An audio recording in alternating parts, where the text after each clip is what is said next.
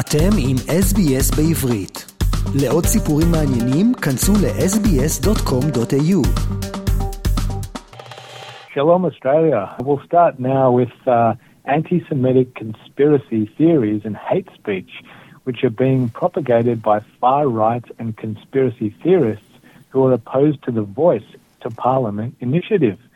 These theories, brought to light in a report by Crikey, claim that the Voice is part of a plot by various entities, including the UN, the World Economic Forum, as well as prominent Australian Jewish individuals to undermine Australian sovereignty. Conspiracy theorists have targeted Indigenous activist Mark Leibler and former Liberal Party spokesperson for Indigenous Affairs Julian Leeser as the masterminds behind the voice. Leibler told the Jewish News these groups and individuals are simply exploiting the Aboriginal and Torres Strait Islander voice to Parliament discussion to regurgitate anti Semitic conspiracy theories and hate speech they've trotted out time and time again. He said you don't need to dig too deep to find that it all emanates from the same loony extremists, including those who associate with white supremacists. Unfortunately, he said, some extreme elements of the Jewish community continue to fuel this sort of rhetoric. Executive Council of Australian Jewry co-CEO Peter Wertheim said that there is bound to be extensive public debate about the voice, as there should be.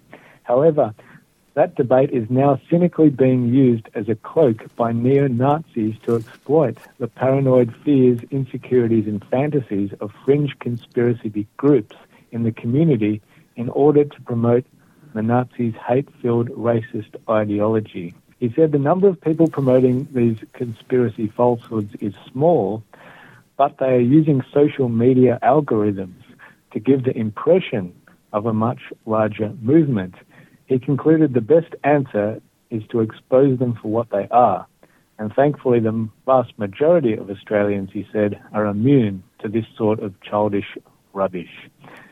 Federal member for Macnamara, Josh Burns, said it is beyond appalling, but not surprising, that neo Nazis are targeting Jewish supporters of The Voice.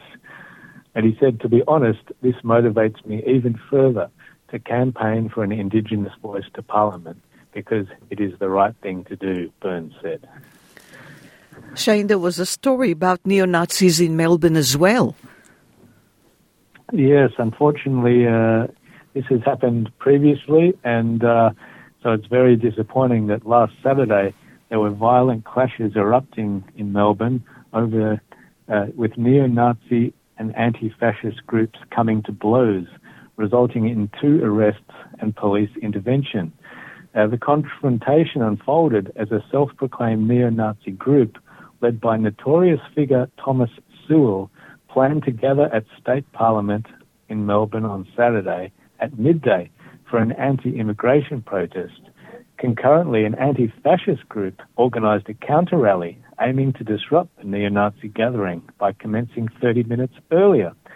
Despite police efforts to keep the two opposing groups separated, there was violence, and one arrest involved a 30-year-old Doreen man who was charged with theft of a body-worn camera and assaulting police while the other arrest involved a 20 year old Werribee man facing charges of discharging a missile and assaulting police. The rally occurred less than two months after Sewell's group participated in an anti transgender protest outside Victorian Parliament House. A spokesperson from Victoria Police told the AJN, We understand incidents of anti Semitism can leave communities feeling targeted, threatened, and vulnerable and hate and prejudice has no place in our society. But uh, in Victoria, it is not currently an offence to perform the Nazi salute. However, as police spokesman said, where there is an imminent breach of the peace arising from this behaviour, police can act, and that occurred on Saturday in an early incident between the opposing groups. President of the Jewish Community Council of Victoria, Daniel Aghion said the community security group is working closely with Victoria Police to keep the community safe. He added that uh, these neo-Nazi buffoons continue to perform pathetic stunts to try and intimidate and threaten our community. In a welcoming and peaceful multicultural society, he said, this behavior is reprehensible and goes against the values of the broader community. We are talking to Shane Desiatnik, a senior journalist at Australian Jewish News, and you're listening to SBS Shalom Australia with Nitza Lowenstein. Shane, former Moriah College teacher was jailed. That's a, a difficult story. Yes, he was uh, head of English uh, for a period. Uh, Cody Reynolds is his name. He's been jailed for 18 months after depraved images and videos of child abuse were found on multiple devices, including on his work assigned laptop. According to news reports, the downloaded videos on his devices included victims held at gunpoint and aged as young as two. Uh, sentencing Reynolds in Sydney's Downing Centre Court on Thursday, Judge Philip Mahoney told the court the material was depraved and that it included sadistic material. Uh, the court was told Reynolds used multiple aliases to share child abuse material with users through a concealed WhatsApp application. He deliberately used a sophisticated method including end-to-end encryption to minimize detection, judge said. The court heard more than 1,100 images and 58 videos were found on Reynolds' devices. Uh, the 37-year-old was first arrested and charged outside of his Kensington home in March 2022, and his employment at Moriah College was immediately terminated.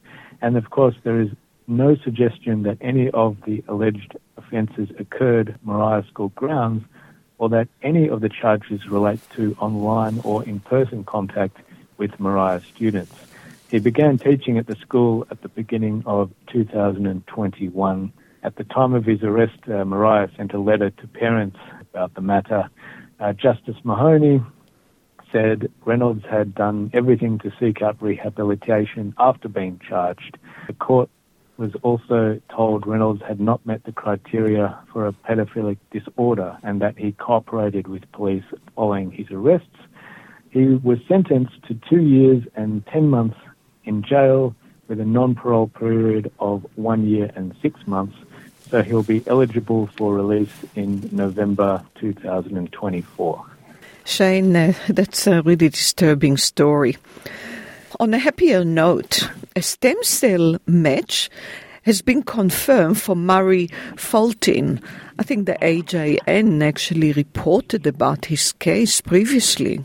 Yes, this is wonderful news. A match has been confirmed for the 41 year old Sydney father who is battling a rare blood cancer. Father of two is expected to receive his stem cell transplant on a still to be determined date in early June. His wife, Claudia Milansky, shared on social media on Thursday, we are so relieved to be able to share that a match has been confirmed and the process of getting the donor's stem cells to Australia is well underway. She said the match had been identified, additional testing was complete, and the stem cells have been harvested. She said the long road ahead continues, but at least now the key elements are all in place to be able to do a stem cell transport, and we couldn't be more grateful for the entire worldwide community who helped us get to this point. Thank you very much. Of course, the testing sessions for the matches were held all over the world, but here in Australia they were held in Sydney, Melbourne, and Perth.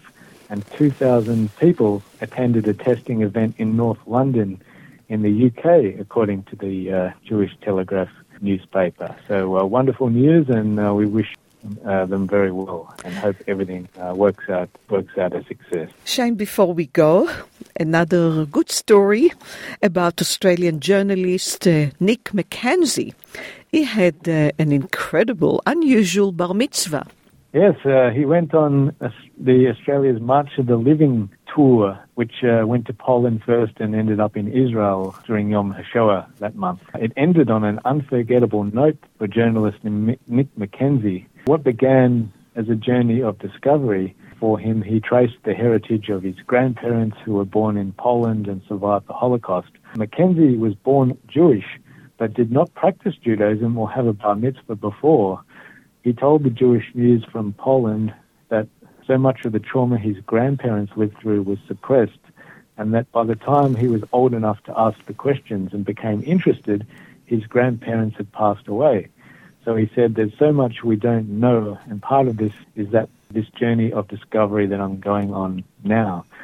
Now, during the Israel part of the tour, the group came together on Friday before Shabbat to give McKenzie a bar mitzvah at the Kotel in Jerusalem. Mazel Tov to Nick. March of the Living posted on their social media pages. Thank you for sharing this special moment with us all. Shane Desiatnik, a senior journalist at Australian Jewish News. Thank you so much and have a great week. רוצים לשמוע עוד סיפורים? האזינו דרך האפל פודקאסט, גוגל פודקאסט, ספוטיפיי או בכל מקום אחר בו ניתן להאזין לפודקאסטים.